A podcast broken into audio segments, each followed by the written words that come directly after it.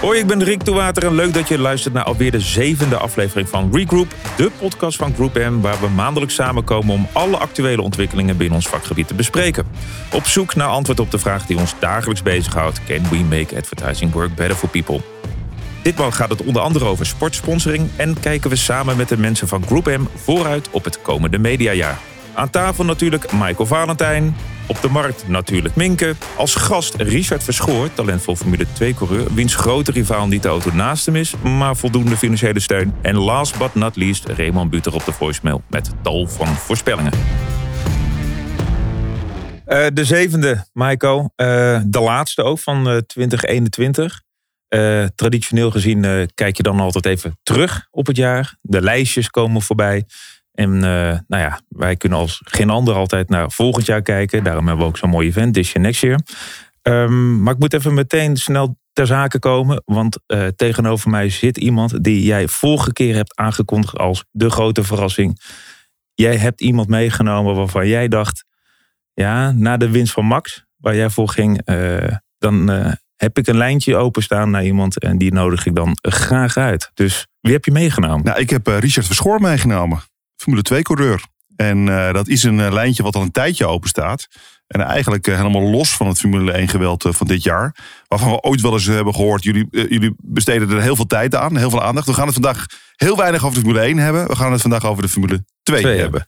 En dus dat vind ik een, een leuk haakje. Nee, Richard, die kwam op mijn pad. Welkom, Richard. Ja, goedemiddag. Hallo, Richard. Leuk. Hoe en, kwam, en gefeliciteerd, hè? Hij is net jarig.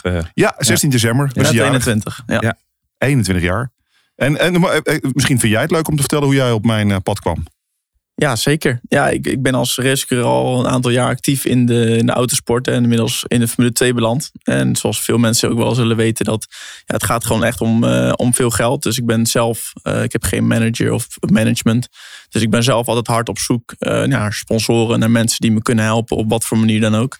Um, ja, toen heb ik eigenlijk LinkedIn, um, ja, ben ik me heel erg in gaan verdiepen en uh, heel veel mee gaan doen. En toen uh, heb ik een aantal mensen, waaronder Michael, een berichtje gestuurd. Um, ja, of ze op wat voor manier dan ook konden helpen. Natuurlijk met oog een beetje op sponsoring. Maar uiteindelijk ja, heeft Michael me ja, op, op een mooie manier kunnen helpen met zijn team ook. Dus ja, zo is het eigenlijk begonnen. Ik vond het heel leuk. Ik vond het heel leuk dat ik dat berichtje kreeg.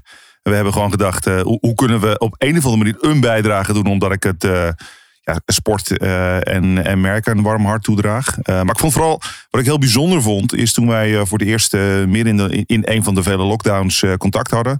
Hoe jij dan eigenlijk in, je, in je slaapkamer zat te bellen.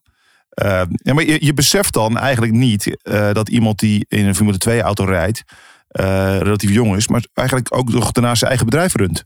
En zo moet je het inderdaad wel zien, ja. ja. Dus vooral in de winter, dan ja, ben ik eigenlijk echt bezig om zoveel mogelijk geld in het laadje te krijgen om dat vervolgens weer te investeren in mijn eigen carrière. Maar dat is toch gek? Je moet toch als coureur toch gewoon full de focus hebben op racen in plaats van al die randzaken. Dat is toch eigenlijk, dat haalt je dat dan niet de focus een beetje weg? Of heb je genoeg talent om te zeggen, joh, dit doe ik er wel even naast? Nou, ik moet zeggen, tegenwoordig zeker gaat het me goed af, omdat ik het al een aantal jaar doe. Uh, maar vooral, om een voorbeeld te geven, dit jaar had ik een Amerikaanse sponsor. Dus eigenlijk leek het voor mij er echt heel goed uit te zien dat ik heel het seizoen makkelijk kon doen en geen stress financieel. Uh, maar goed, die heeft nooit een cent betaald. Ja, en dan wordt het wel heel zuur natuurlijk. Want dan moet je dus in midden van het seizoen, weet je eigenlijk elke race weer niet of je wel of niet uh, mag rijden. Ja, ja, achteraf, ik denk dat je onbewust toch mee bezig bent van als ik nu schade rijd, mijn voorvlucht gaat eraf, is toch weer 20k. Weet je wel? Ja. Dus ja, en dan als je dat niet hebt, ja, dat, is, dat rijdt niet lekker.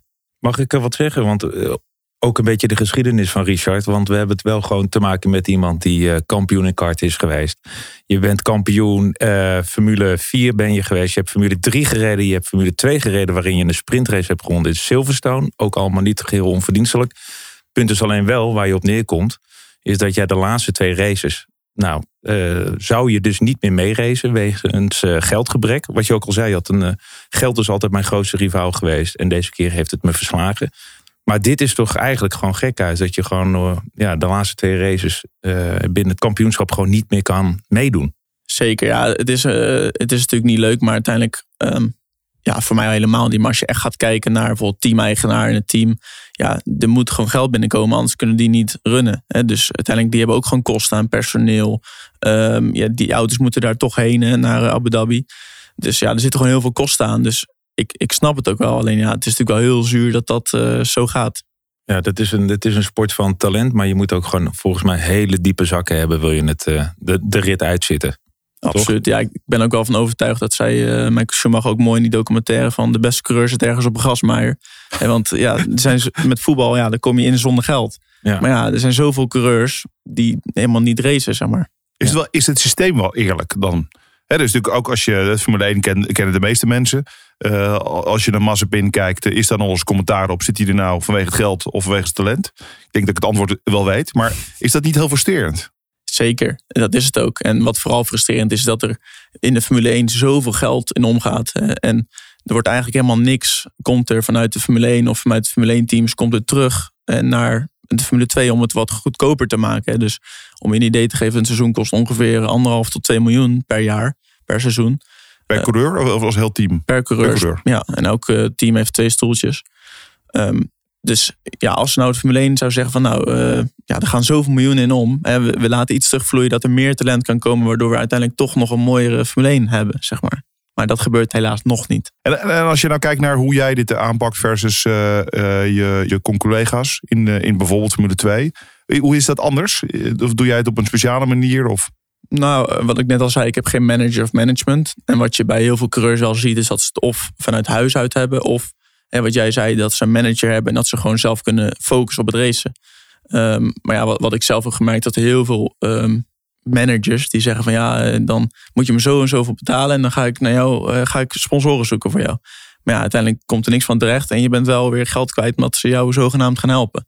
En dus ja, ik heb gewoon uh, gemerkt dat dat niet opschiet. En ook het feit dat ik soms zelf mensen benader, merk dat dat ook wel positief werkt, zeg maar, naar bedrijven toe. Dus ja, ik doe het wel op een andere manier. Heel veel coureurs die tekenen gewoon een contract begin van het jaar. Ja, en dan kunnen ze heel het jaar lekker racen, zeg maar, hè, zonder druk. Of in ieder geval geen financiële druk. Mhm. Ehm, en ja, dat, dat is bij mij nog niet echt aan de orde geweest, helaas. Maar Richard, hoeveel van die eh, logo's staan er nou op je auto? Ja, best wel veel, gelukkig. Ja, nee, dat is aan de ene kant heel mooi, maar dat betekent ook dat je heel veel verplichtingen hebt. Je kan liever maar een paar hele grote hebben en dan uh, ja. een paar keer langs, uh, geef je een box of een, of een elleboog je doet je trucje en dan ga je weer lekker door naar het circuit. Heel veel sponsoren betekent ook heel veel verplichtingen, neem ik aan. Zeker, maar ik moet zeggen dat uh, de groep die ik nu heb, die is daar wel heel relaxed in. Hè. Dus ze doen het allemaal echt puur ook uit de passie. En voor het racen, die vinden het gewoon leuk dat ze mij kunnen helpen daarin. Uh, natuurlijk uh, zitten er wel bepaalde verplichtingen aan vast. Hè, die, die je toch een afspraak maakt. voor dit budget komt dit terug. Ehm, maar ja, ik vind het ook leuk om te doen. En ik weet dat ik dat moet doen om te kunnen racen. Dus daardoor vind ik het ook niet erg om daar tijd aan te besteden. Ik weet dat er een verhaal, zo'n serie op Netflix gaat over de MotoGP. En dat was het verhaal van Casey Stoner. Echt, echt een talentvolle Amerikaanse motorcoureur. Die verloor de passie voor de sport. Omdat hij aan al die verplichtingen naast het circuit moest voldoen. Dus optredens, PR, sponsoren tegemoetkomen. Hij zei, ik ben eigenlijk alleen nog maar aan het reizen en aan het oude hoeren interviews aan het geven. En ik ben helemaal niet meer aan het racen. En ik vind racen het leukste wat ik, wat ik doe. En uh, dat is nog maar 20% van mijn dagbesteding. Dus uh, die verloor echt de passie. En die is ook gewoon nooit meer teruggekeerd. Maar ik zie aan jou dat jij nog lang een brein nog niet klaar bent. Nee, zeker niet. Alleen zoals dit jaar hadden wij bijvoorbeeld maar acht raceweekenden. En dus hadden wel drie races per weekend. Maar ja, ik heb dus van de 52 weken maar acht, acht raceweekenden, zeven nu zelfs, uh, in de auto gezeten. Ja, dat is wel heel erg weinig. En dus volgend jaar wordt het gelukkig weer 14. Dat is normaal. Zo dit jaar een ander concept geprobeerd. Maar ja, acht weekenden is wel heel erg weinig. Maar was dat vanwege COVID of had het andere uh, redenen? Nee, ze wilden gewoon een ander concept proberen. Waarin ze drie, naar drie races gingen in één weekend. Oh ja. Om een soort van kostbesparing te doen. Maar uiteindelijk zijn de teams erachter gekomen dat het precies even duur is. Waar je daar ook eentje van won. Silverstone. Ja. ja is, dat dan, is die ervaring dan ook anders voor sponsoren? Als, uh, leven ze mee zo'n weekend? Zeker, ja. Iedereen was super blij. Want ja, ze weten natuurlijk allemaal uh, ja, dat het allemaal niet vanzelf gaat bij mij. En bij mij was de ontlading ook groot natuurlijk. Want ja, het is gewoon echt waarvoor je zo hard werkt. Ook in die winterperiode. Het, gaat echt, het is voor mij gewoon een fulltime, eh, meer dan een fulltime job. En ehm, ja, dan moet ik het eigenlijk nog maar zien te presteren. Om mezelf ook weer in de kijker te rijden natuurlijk.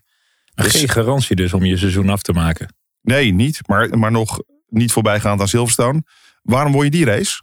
Heb je een speciale band met circuit? Of... Uh, viel het op zijn plek. Ook, ook in de grote wedstrijd op de zondag uh, vierde plekken. Ja, net, net geen derde helaas. Net geen podium. Nee, nee maar uh, nee, onze auto dit jaar was heel erg goed op ehm, banen met hoge snelheidsbochten. En dus we merkten gewoon, eh, ja, vooral Silverstone hebben natuurlijk echt al die snelle bochten. Ja, daar dacht hij gewoon als een eh, trein op het rails, zeg maar, gingen we gewoon door de bocht heen.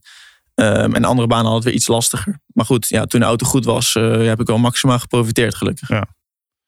En je was er dit weekend ook bij. Je kunt er niet helemaal eh, voorbij gaan aan eh, de Formule 1 hype. Eh, ik, ik, neem aan dat je... Waar stond je? Waar was je toen de race was? Nou, gelukkig, die mensen in Abu Dhabi vinden het allemaal helemaal geweldig als ze coureurs ontmoeten. Dus ik kon met mijn F2-pas kon ik lekker naar de F1-tribune.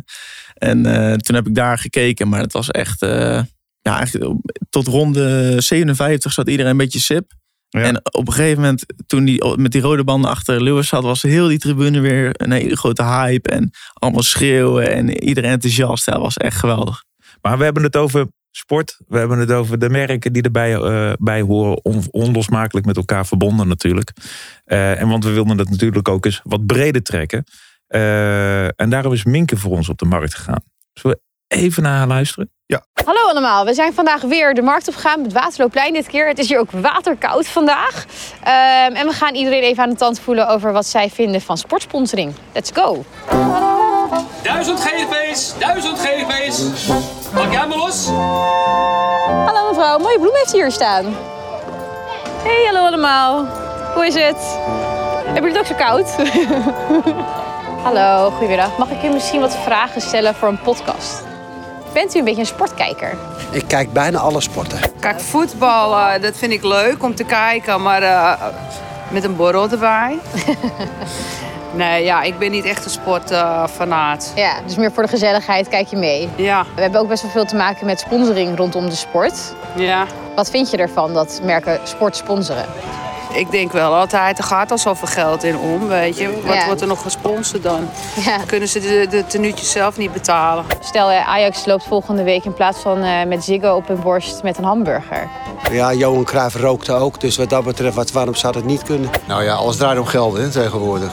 En de spelers zijn ook niet echt goedkoop. Dus wil je een beetje geld genereren, ja, dan moet je toch wel ergens geld vandaan halen. Ja, of hij nou een snoepfabrikant is of, of de Ziggo. Dat, eh, Ja. Maar voor u als, als, als nou, supporter voor maakt mij dat maakt uit? het niet uit. Nee? Kijken, kijken. Kijk, dichtheid. Heeft u het idee dat sportsponsoring ook u beïnvloedt op wat u koopt? Ja, heel lullig. Als je, als, je, als je dik bent en je eet patat en je eet chips en de reclame komt om die op te trekken, ja, dan, dan moet je dat maar gewoon doen. Je bent zelf eigen baas, toch?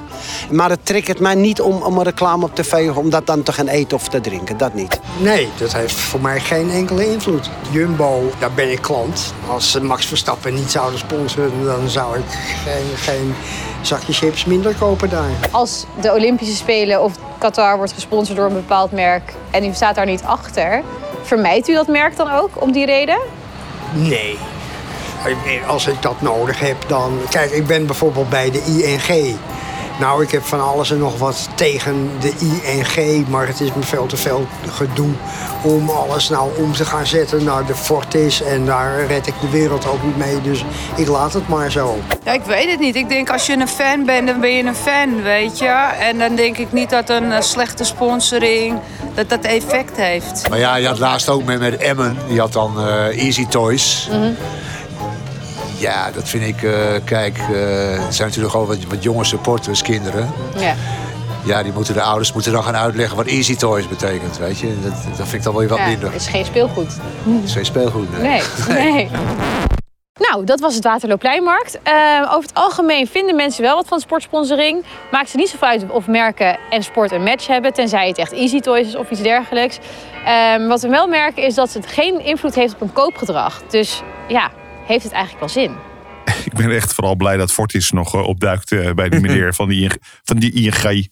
Nee, Prachtig. Ja, heeft het wel zin? Ja, tuurlijk heeft het zin. Nou, als de gemiddelde Nederlander vraagt, eh, als je die vraagt, eh, bent u eh, beïnvloedbaar?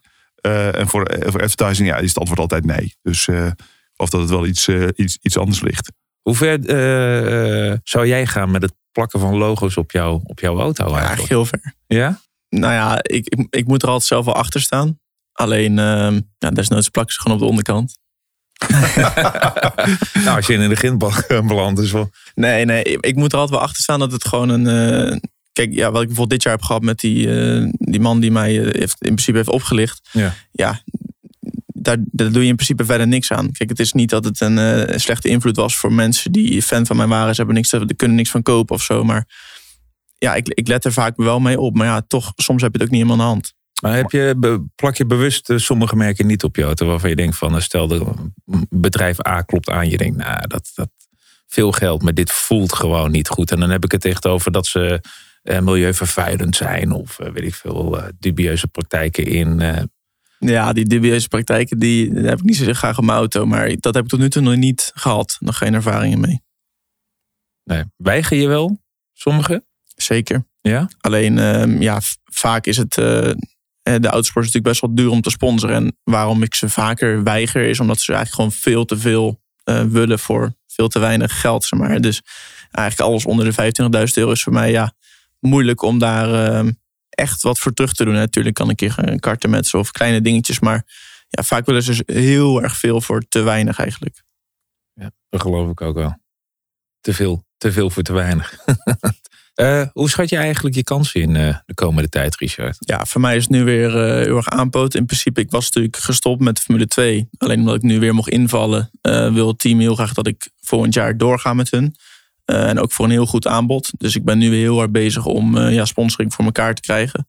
En dat ik had vorige, ik had jullie podcast even teruggeluisterd. En ik hoorde dat jullie het vorige aflevering over NFT's hadden. Ja. Ehm, is ik ben nu, ik had een afspraak met Kwebbelkop, een eh, hele grote YouTuber. Ja, die gaat eh, helemaal, uh, die heeft dat net aangekondigd trouwens. Ja, Launch ja. NFT heeft hij nu zijn eigen platform. Ja. maar goed, daarnaast is hij ook wel gewoon heel slim en heeft hij heel veel kennis in, in dat wereldje.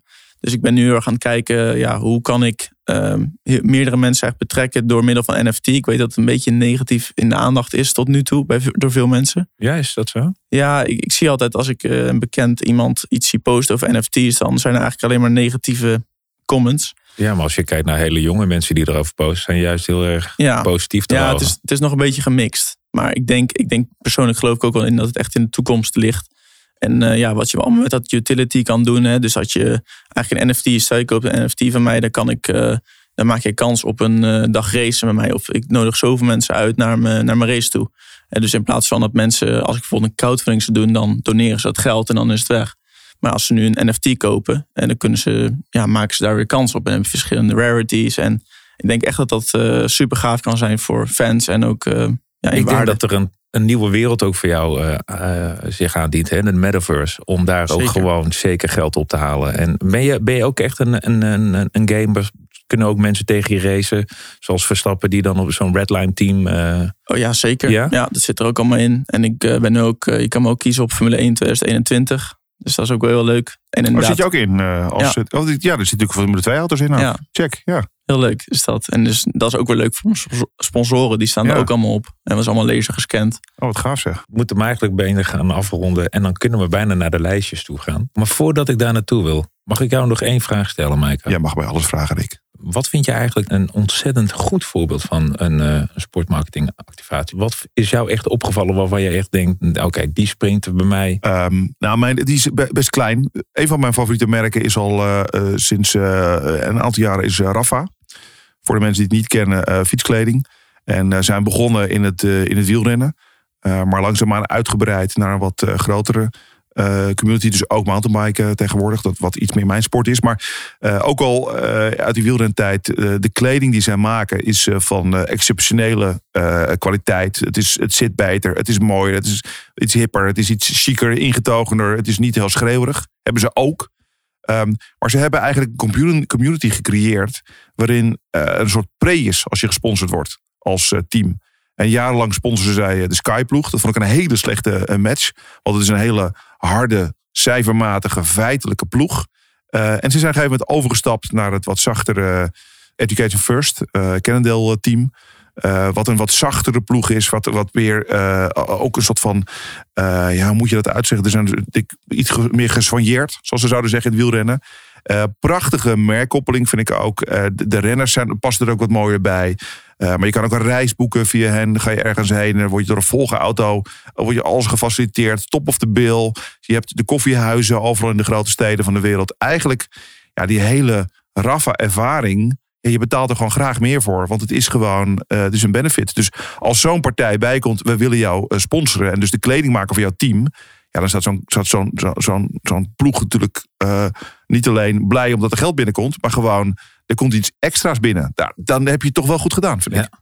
Ja, wat ik een, zelf wel een mooi... Ik vind gewoon te gek Wat vind dat- jij eigenlijk een mooi nou, eh, ik zijn er voorbeeld? twee. En één vind ik gewoon eh, dat Jordan de sponsor is van Paris Saint-Germain als kledingmerk. Vind ik gewoon een te gek. Een basketbalmerk wat een voetbalteam sponsort. En Ook een beetje gek, toch? Is, is gek en daarom vind ik het weer mooi. En ik zie Jordan ook gewoon bij die wedstrijden zitten. En er staat natuurlijk een sterrenformatie. En die shirts, die, die, dat is gewoon mode geworden. Zoals Juventus ooit zijn logo heeft aangepast om te zeggen... we zijn klaar voor de komende jaren. We zijn niet alleen een voetbalclub, we zijn eigenlijk een merk.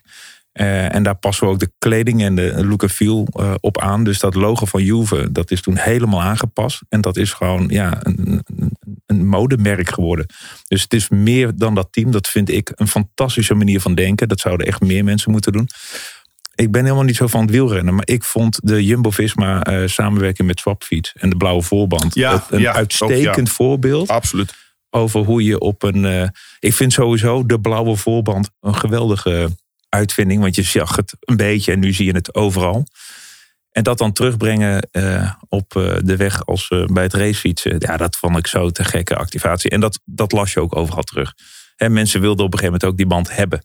En dan maak je een, iets wat gewoon functioneel is ineens heel erg begeerlijk. Ja. Eh, heel slim. heel goed gedaan. Ook heel goed. Maar zo simpel ook, hè? Het is ook in eenvoud, denk ik, ontstaan Ja. dit. Ja, nee, ik denk prachtig. dat daar de kracht zit.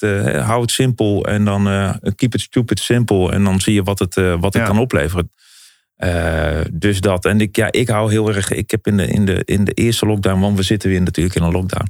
Ben ik echt dat, eh, dat team van eh, Verstappen Redline gaan volgen. Met het signen van spelers. En het 24 uur van Le Mans met Norris en Verstappen samen. En niet, ja, dat in-gaming sponsoren, dat, daar ligt nog zo'n grote, grote markt voor eh, ook onze merken, zeg ik altijd maar. En eh, ja, Richard die heeft zijn auto ook al gewoon klaarstaan in, eh, in de virtuele, virtuele wereld.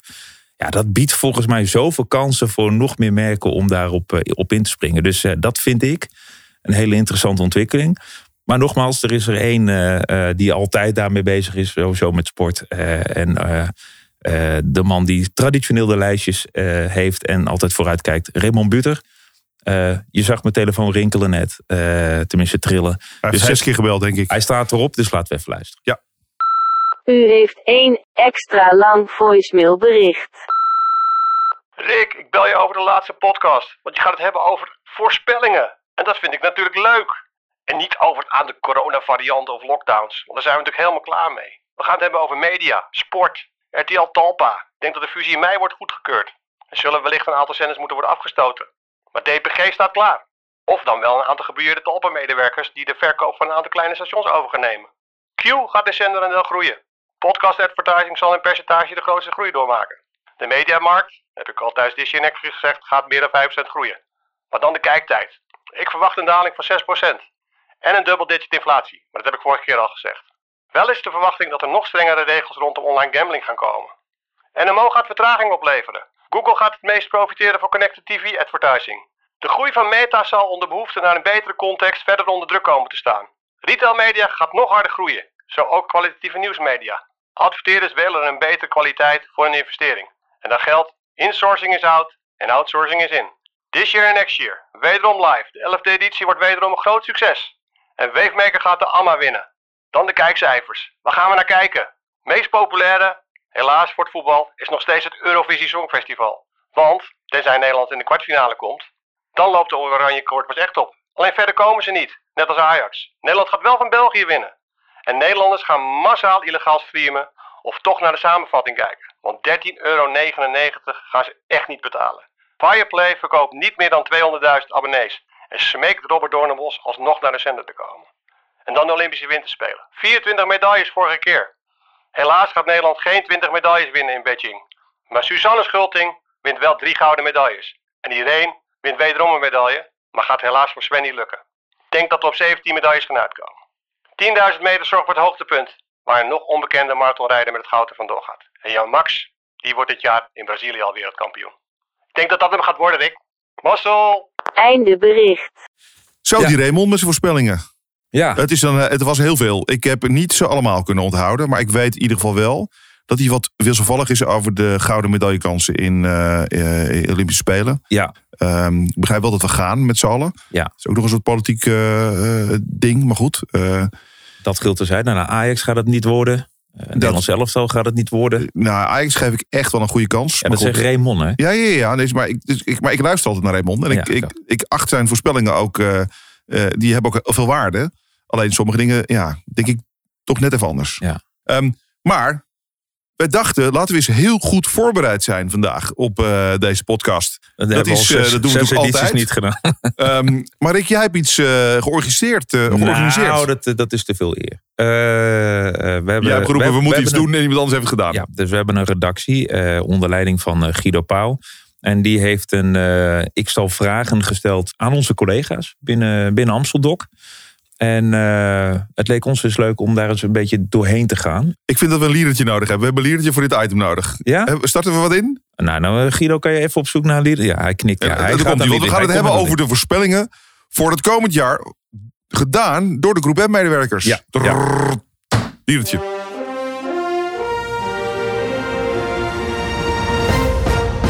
Wat een prachtig liedertje Wat was een dat. prachtig liedertje dit. nou, we hebben het net al over het Nederlands elftal gehad. Eh, eh, nou, ik kan wel zeggen dat eh, 90% eh, denkt dat gaat hem niet worden. Ehm, dan hebben we nog een, een vraag over Facebook. Bestaat dat nog aan het einde van het jaar? Het bestaat al eigenlijk niet meer. Als het hebt over het bedrijf. Maar het zegt iets over de gemiddelde leeftijd bij ons toch. Dat er een hoop mensen zijn, denken die dat het nog wel bestaat. Ja. Nou, die chatten Zit je waarschijnlijk ook nog via ICQ. Ik zit al bijna een jaar niet meer op Facebook. Nou, zo zie je. 21 jaar, niet meer op Facebook. Ja. Nee, maar dat lijkt me volstrekt logisch.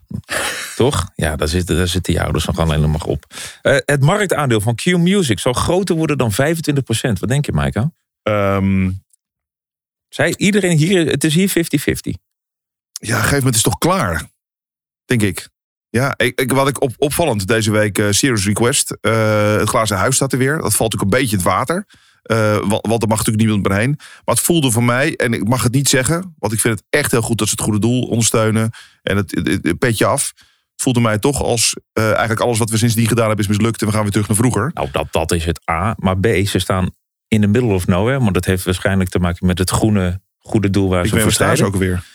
Ja, we weet ik, ergens in het oosten van Nederland. Maar ze mogen ook nu gewoon eten en drinken. Dus in Oh, dat is ook niet. principe, Oh, oké. eh, ja, nee. Nou, maar het, het heeft eigenlijk niet zoveel met de vraag te maken. Anders dan dat er dus blijkbaar nog eh, iets weg kan bij, eh, bij het toch wel het zinkende schip eh, daar. Ja, ja nou, dit, dit, dit gaat echt nergens maar. Ja, het gaat, ja, het gaat Q lukken. Ja, oké. De streamingdienst Viaplay gaat meer dan 1 miljoen abonnees realiseren. Wel, nee. Wat, wat zei Raymond? 200.000? 200.000. Nou, ik denk dat als... Met moeite. Ik denk, ik denk het niet eens. Ik denk niet bijna. Echt niet. Nee, hè? Nee, zeker niet. Ik denk eh 121.000 en een half. Zo, maar dan, dan, dan zijn ze wel een zak en as. Ja, maar het is Ja. ook gewoon een slecht verhaal dit. Oké. De RTL Talpa consolidatie zal worden goedgekeurd. Nou, dat kunnen we gewoon door. En dat is allemaal één geen vraag. Dat vind ik geen serieuze vraag. Ehm, er gaat hierna naast Talpa en, eh en RTL gaat er nog een grote consolidatie. nou, dit is geen interessante vraag als hij gesloten is. Sorry, ik ging heel snel vast weer er, maar gaat er nog eentje plaatsvinden, denk jij? Een grote consolidatie. Ehm 60% denkt van wel. Maar we hebben het gevraagd onder dus een, een, een grote groep mensen. Nou ja, kijk, de definitie van groot. Kijk, en, dat, en, dit, en dit zeg ik met heel veel respect. Maar de definitie van groot is al heel erg lastig aan het worden. Als je kijkt naar wat er nog is, wat kan consolideren. Als je het over grote dingen hebt, vindt het eigenlijk een beetje buiten het Nederlands medialandschap plaats. En het feit dat er consolidaties in het Nederlands medialandschap plaatsvinden, is een gevolg van het feit dat het niet zo groot meer is. Nee. Dus het is betrekkelijk. Oké. Dus Ja. gaat er nog een grote consolidatie plaatsen?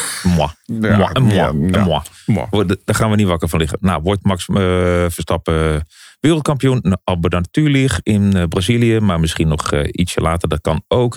Nou, jij als neutrale kijker, Maiko, wat denk jij? Godsam, wat heb ik, wat heb ik me lopen opwinden afgelopen weekend. Maar daar zou het niet meer over hebben. Ehm, ik, ehm, ik weet het echt niet. Nee? Ik durf het niet. Ja, het, is, het is niet te zeggen.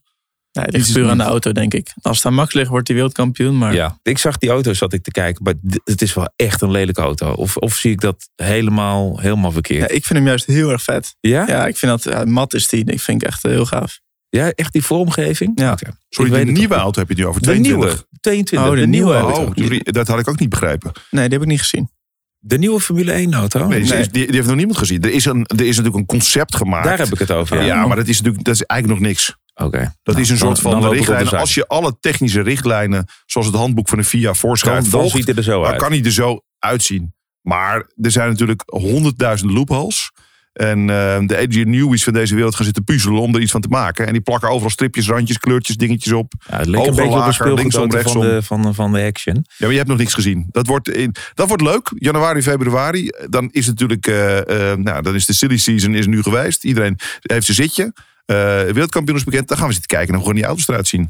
En, en mensen die het niet leuk vinden, die gaan we dan met andere dingen bestoken. Want ik beloof wel, we gaan er drie podcasts nu hierna niet over Formule 1 hebben. Nee, oké. Nou, dan zullen we nog even drie andere vragen schrappen hier zo. Ehm, de lineaire kijktijd zal blijven dalen. Nou, daar is het er 100% mee eens. De mediabestedingen gaan met meer dan 5% stijgen in 2022 ten opzichte van 21. 80% zegt eens. Wat zeg jij, Michael? Nou, er gaat een, een deel, er gaat ook een deel van een Richard. Dus ehm, dat, wordt, dat wordt toch lastig. Ehm, nee, ik denk het niet. Ik denk het niet. Ik denk dat het eh, minder gaat stijgen. Ja? Ja. Want? Waarom denk je dat dan? Nou, ik vind dat de wereld nog heel eh, fragiel is. En ik denk dat in de hele supply chain er nog wel heel veel uitdagingen zijn. Dus ik denk eigenlijk dat het heel lastig wordt om die 5% te gaan halen. Simpelweg omdat er gewoon een enorme schaarste is. Kijk, eh, meer geld meenemen om dezelfde GRP's te kopen is natuurlijk al sowieso wel een uitdaging. Want je, je krijgt gewoon minder en je betaalt meer. Dus daar zit spanning op. Ehm, maar dat is geen stijging in budget. Dus je krijgt allemaal gewoon minder exposure. Eh, ja, en ik denk dat er gewoon schaarste is op heel veel gebieden. Dus dat voor heel veel producten, ja, je kan je eh als slag in de ronde eh, adverteren. Maar ja, op het moment dat er gewoon geen product te leveren is. Ja, nou top. En dan gaat natuurlijk een deel van het budget straks naar Richard toe. Ja, dat is Ja. heel fijn inderdaad. ik wel. De, eh, eh, waar gaat de grootste media-innovatie plaatsvinden? We hebben dat eh, onderverdeeld in video, audio, print, social media, out of home, digital of geen van boven. Kunnen we stoppen met het, eh, het woord digital? Ik heb een aantal jaar geleden geroepen, kunnen we stoppen met het woord eh, strategie. Nu wil ik eigenlijk stoppen met het woord digital. Digital is helemaal niks. Digital is geen mediumtype. Dus wat moet het dan worden? Eh, ja, kijk, alles is digital. Alles is digital en niks is digital. Dat is, dus, daar stoppen we mee. Doen we gewoon niet meer. Ehm, nee, video. Kijk, dat is ook gekoppeld aan het punt van hiervoor. Lineaire kijktijd zal, zal blijven dalen. Kijk, consumenten kijken meer video dan ooit. Dus eh, kijk, video is ook waar we, vind ik, eh, een eh, koevoet in moeten zetten. om het eh, innovatie eh, eh, doorbraak te gaan eh, forceren. Ja. Slechte uitspraak, maar je snapt wat ik bedoel. Ja, ja. Nou, als ik kijk naar media-innovatie. Ik zag ook alweer Apple met een eh, bril komen. Tenminste, een prototype. Microsoft die met eh, prototypes bezig. Ik zag zelfs eh, in een eh, eh, eh, race simulator een nieuwe bril. die gewoon een soort van hyperrealiteit eh, weergeeft. Ik denk dat daarin en de beleving van, nou ja, los van media, maar gewoon. Eh, of dat nou video is of wat dan ook, dankzij het, eh, de komst van de, de technologie die dat allemaal in, hè, in staat en mogelijk maakt om nog meer soort van ja, metaverse beleving te creëren. Ja, ik denk dat we, we roepen het nu van alles. Maar als ik gewoon een beetje eh, mijn Insta-timeline in de gaten hou en ook LinkedIn, dan, dan echt, er zijn zoveel mooie mogelijkheden. Dat is echt niet normaal. Ik denk dat hier, Ja, ik sta vooraan. wij Ik moeten ben eigenlijk een echt specialisten. We hebben ze nodig. Ja, dus eh, ik- meld je aan. Maar dat is, eh, nou, voor, voor de echte nerds onder ons. Ik, ehm, eh, ik ben heel sceptisch over de timeline daarvan. Ik denk dat het veel langer gaat duren om dat eh, goed in elkaar te gaan eh, zetten technisch. En eh, je krijgt de battles over wat is de metaverse, waar zit die en wie is de, wie is de, zeg maar, de, de, de, de owner ervan. Maar ook technisch gezien gaat het echt nog lang duren om de rekenkracht te hebben om dit allemaal aan te kunnen. Maar wat heel interessant is, voor de echte nerds onder ons. ehm, ik heb, ik heb een, eh, een PlayStation en een PlayStation 5. Want ik, ben- ook een beetje een nerd. Of ik associeer me graag met nerds. Dat is misschien wat ik eh, beter kan eh, zeggen. En daar zit een demo op. Volgens mij is je ook op Xbox en de PC voor The Matrix. En ehm, dat moet je echt even zien. En je moet hem niet op een filmpje kijken op YouTube. Je moet het echt even zien op een console. Want wat dat doet, is heel bizar. Het laat zien hoe je eh, de hoofdrolspelers van de Matrix teruggaan in de tijd. En zij zijn dan compleet eh, CGI. En je hoort hun stemmen, die zijn modern. Maar ze zien eruit als eh, de Matrix. Uit wanneer komt die film? 2000 of zo. 99 volgens mij komt die film. Ehm, onveranderd in de computer. Maar dat gaat dan vervolgens door eh, een soort. Ja, je moet het zien. Het is heel gaaf. Maar het eindigt in een soort virtuele wereld. Een virtuele stad waar je doorheen kan lopen. Waar zoveel computerkracht eh, bij samenkomt. En allerlei elementen samen harmonieus. Nou, het is fantastisch. Het is, ehm, het is eh, big data, het is AI. Alles komt erin samen. Ik was echt blown away wat dat technisch kan. En het is omdat er een engine achter zit. Voor de nerds, eh, de Unreal 5 en 5 engine. Ehm, maar wat dat mogelijk gaat maken. Nou, als je dat eh, in de wereld kan krijgen met fantastische eh, technologie. Nou, dat wordt heel interessant. Sorry. Kijk, hou op. Wat denk jij, Richard, dan? Ehm, ja, ik, ik denk ook echt wel, eh, en zeker meer mijn straatje van eh, de, de beleving inderdaad met die VR-brillen, virtual reality. Dat is gewoon, eh, ik denk dat dat heel ver gaat. Ik denk dat het ook echt wel de toekomst is. Ja, Dus minder schermen en meer eh, dat soort dingen, vooral met games. En eh, ja dat denk ik ook. Dan hoef je ook niet meer naar Abu Dhabi te reizen. Dan kan je gewoon vanuit je huiskamer reizen. ja, maar die beleving in het echt is toch nog iets beter. Dat is beter, hè? Ja. Eh, een, eh, een echte media vraagt dit. Addressable TV zal in Q4 2022 op basis van set-top-box data mogelijk zijn. Addressable TV. Dus jou een ander berichtje sturen dan mij. Via de set-top-box. Ehm, ja, ik denk, ik heb daar wel vertrouwen in. En ik, ik- je ziet bij ons ook eh, dat daar een, positieve blik eh, is. Dus dat gaat goed komen. Ja, en wordt tijd toch ook? Ik vind het zo gek dat het al niet bestaat. Ja, maar dat is, dat is de prioriteit. De toegevoegde waarde ervan. Wie zit erop? Ja, dat. Ja, allemaal weer politiek. Eh, John de Mol, kijkcijferhitje in 22. Ja, ik kan kan dooien als ik naar de cijfers kijk hier. Hier is het 50-50. Ja. Wat denk je? Everstars komt eraan natuurlijk. Everstars. Nou, wat ik leuk vind aan Everstars is dat het natuurlijk echt weer ehm, een hele toegankelijke manier is van nieuwe technologie. Want hij maakt het eigenlijk kinderlijk simpel. En dat vind ik leuk. Waar mensen erover praten, hij gaat gewoon doen. Ja, ik vind het wel, eh, wel vet. Ik denk wel dat dat eh, succes is. Maar ik- hoor daar nog wat mixte verhalen over. Want mensen moeten het denk ik zien en ervaren om het te snappen. Ehm, Wat denk jij trouwens eigenlijk? eh, want hierna zijn er wat populaire eh, waar we met een sneltreinvaart doorheen gaan. Maar wat denk jij wat er eh, de grootste verandering gaat worden? Gewoon de komende tijd. Dat je, eh, je bent nu een jaar lang CEO. Ik denk dat eh, de grootste verandering in ons vak en op de, op de korte termijn zit op het gebied van video. Ehm, en ik denk dat ook de, de wereld, want we gaan het over wat generieke hebben, zaken hebben als ik naar de vragenlijst zie. Maar de hele wereld zorgt er ook voor dat we in een kleinere omgeving hele gave, vette ervaringen willen hebben. En ik denk dat dus ehm, alles wat wij op de vierkante meter van de wo- woonkamer kunnen gaan doen, eh, dat gaat sneller ontwikkelen. Want die lockdown, we zitten er nu al, al twee jaar eh, op en af in. Eh, ja, ik wilde naar de bioscoop gaan de komende week. Dat gaat niet meer. doe ik altijd met kerst, met gezin. Gaan we naar de, naar de, naar de film op kerstavond. Dat konden we vorig jaar ook al niet doen. Maar toch op mijn eigen tv kijken is een andere ervaring.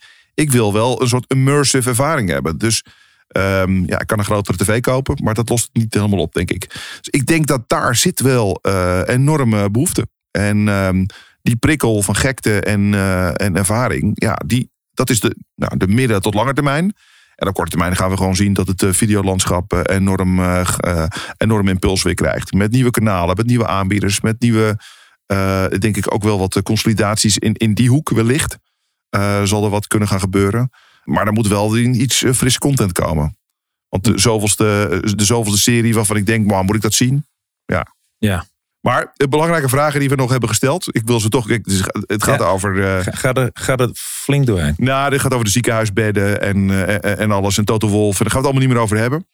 De vraag is: wat denken de groep M-mensen? eh, wat de relatiestatus van André Hazes junior gaat worden in het komend jaar? Krijgt hij minstens twee nieuwe relaties? Nou, eens 74%, oneens 26%. Maar dat denk ik dat die 26% niet denkt dat hij er minder dan twee krijgt, maar meer dan twee. Sowieso. Ik vind dit een hele boeiende vraag. Ik ook. Maar belangrijker nog, er is ook een vraag gesteld. Chaos binnen de Regroup podcast. De bromance tussen Michael en Rick komt tot een einde door een slaande ruzie tijdens de uitzending. Er is pot voor drie dubbeltjes nog 33% die denkt dat dat gaat gebeuren. Ja. Nou ja, ik geef ze geen ongelijk. Waarom denk je dat? het is voelt- ook altijd hetzelfde met jou. Je voelt toch, dat directieve en dat... eh, nee, op een gegeven moment is dat klaar. Nee, dat, eh, We zijn net begonnen. Ik, ik zie alleen maar eh, een grotere, grotere, hechte vriendschap ontstaan. Ik ook, En, Rick. Ik vond het een fantastisch jaar in de podcast met je. Ja, en ik dank dat je Richard hebt meegenomen voor de, laatste, voor de laatste uitzending van dit jaar in ieder geval. We, het, het kostte heel veel moeite om het er niet over te hebben. Maar we hebben het stiekem toch wel weer een beetje gedaan. Nou, dat kwam ook Fuck door één specifiek appje wat eh, Richard eh, stuurde. Eh, want wij eh, moesten schuiven omdat jij onverwachts eh, toch wat langer in Abu Dhabi eh, bleef. En toen appje, maar mag ik alsjeblieft toch nog in de podcast? Ja, dat wilde ik wel graag, ja. Ja, dat is Ja. toch leuk? Ja, dus nee, ik- jullie hebben ook positief verhaal. Jullie zijn een goed team samen, dus... Fijn, dankjewel. een on-dead bombshell. We're gonna end. Oké, dankjewel. Heb het goed. Eh, eh, maak er ondanks alles een mooie, mooie kerstvakantie van. En tot volgend jaar. Tot volgend jaar.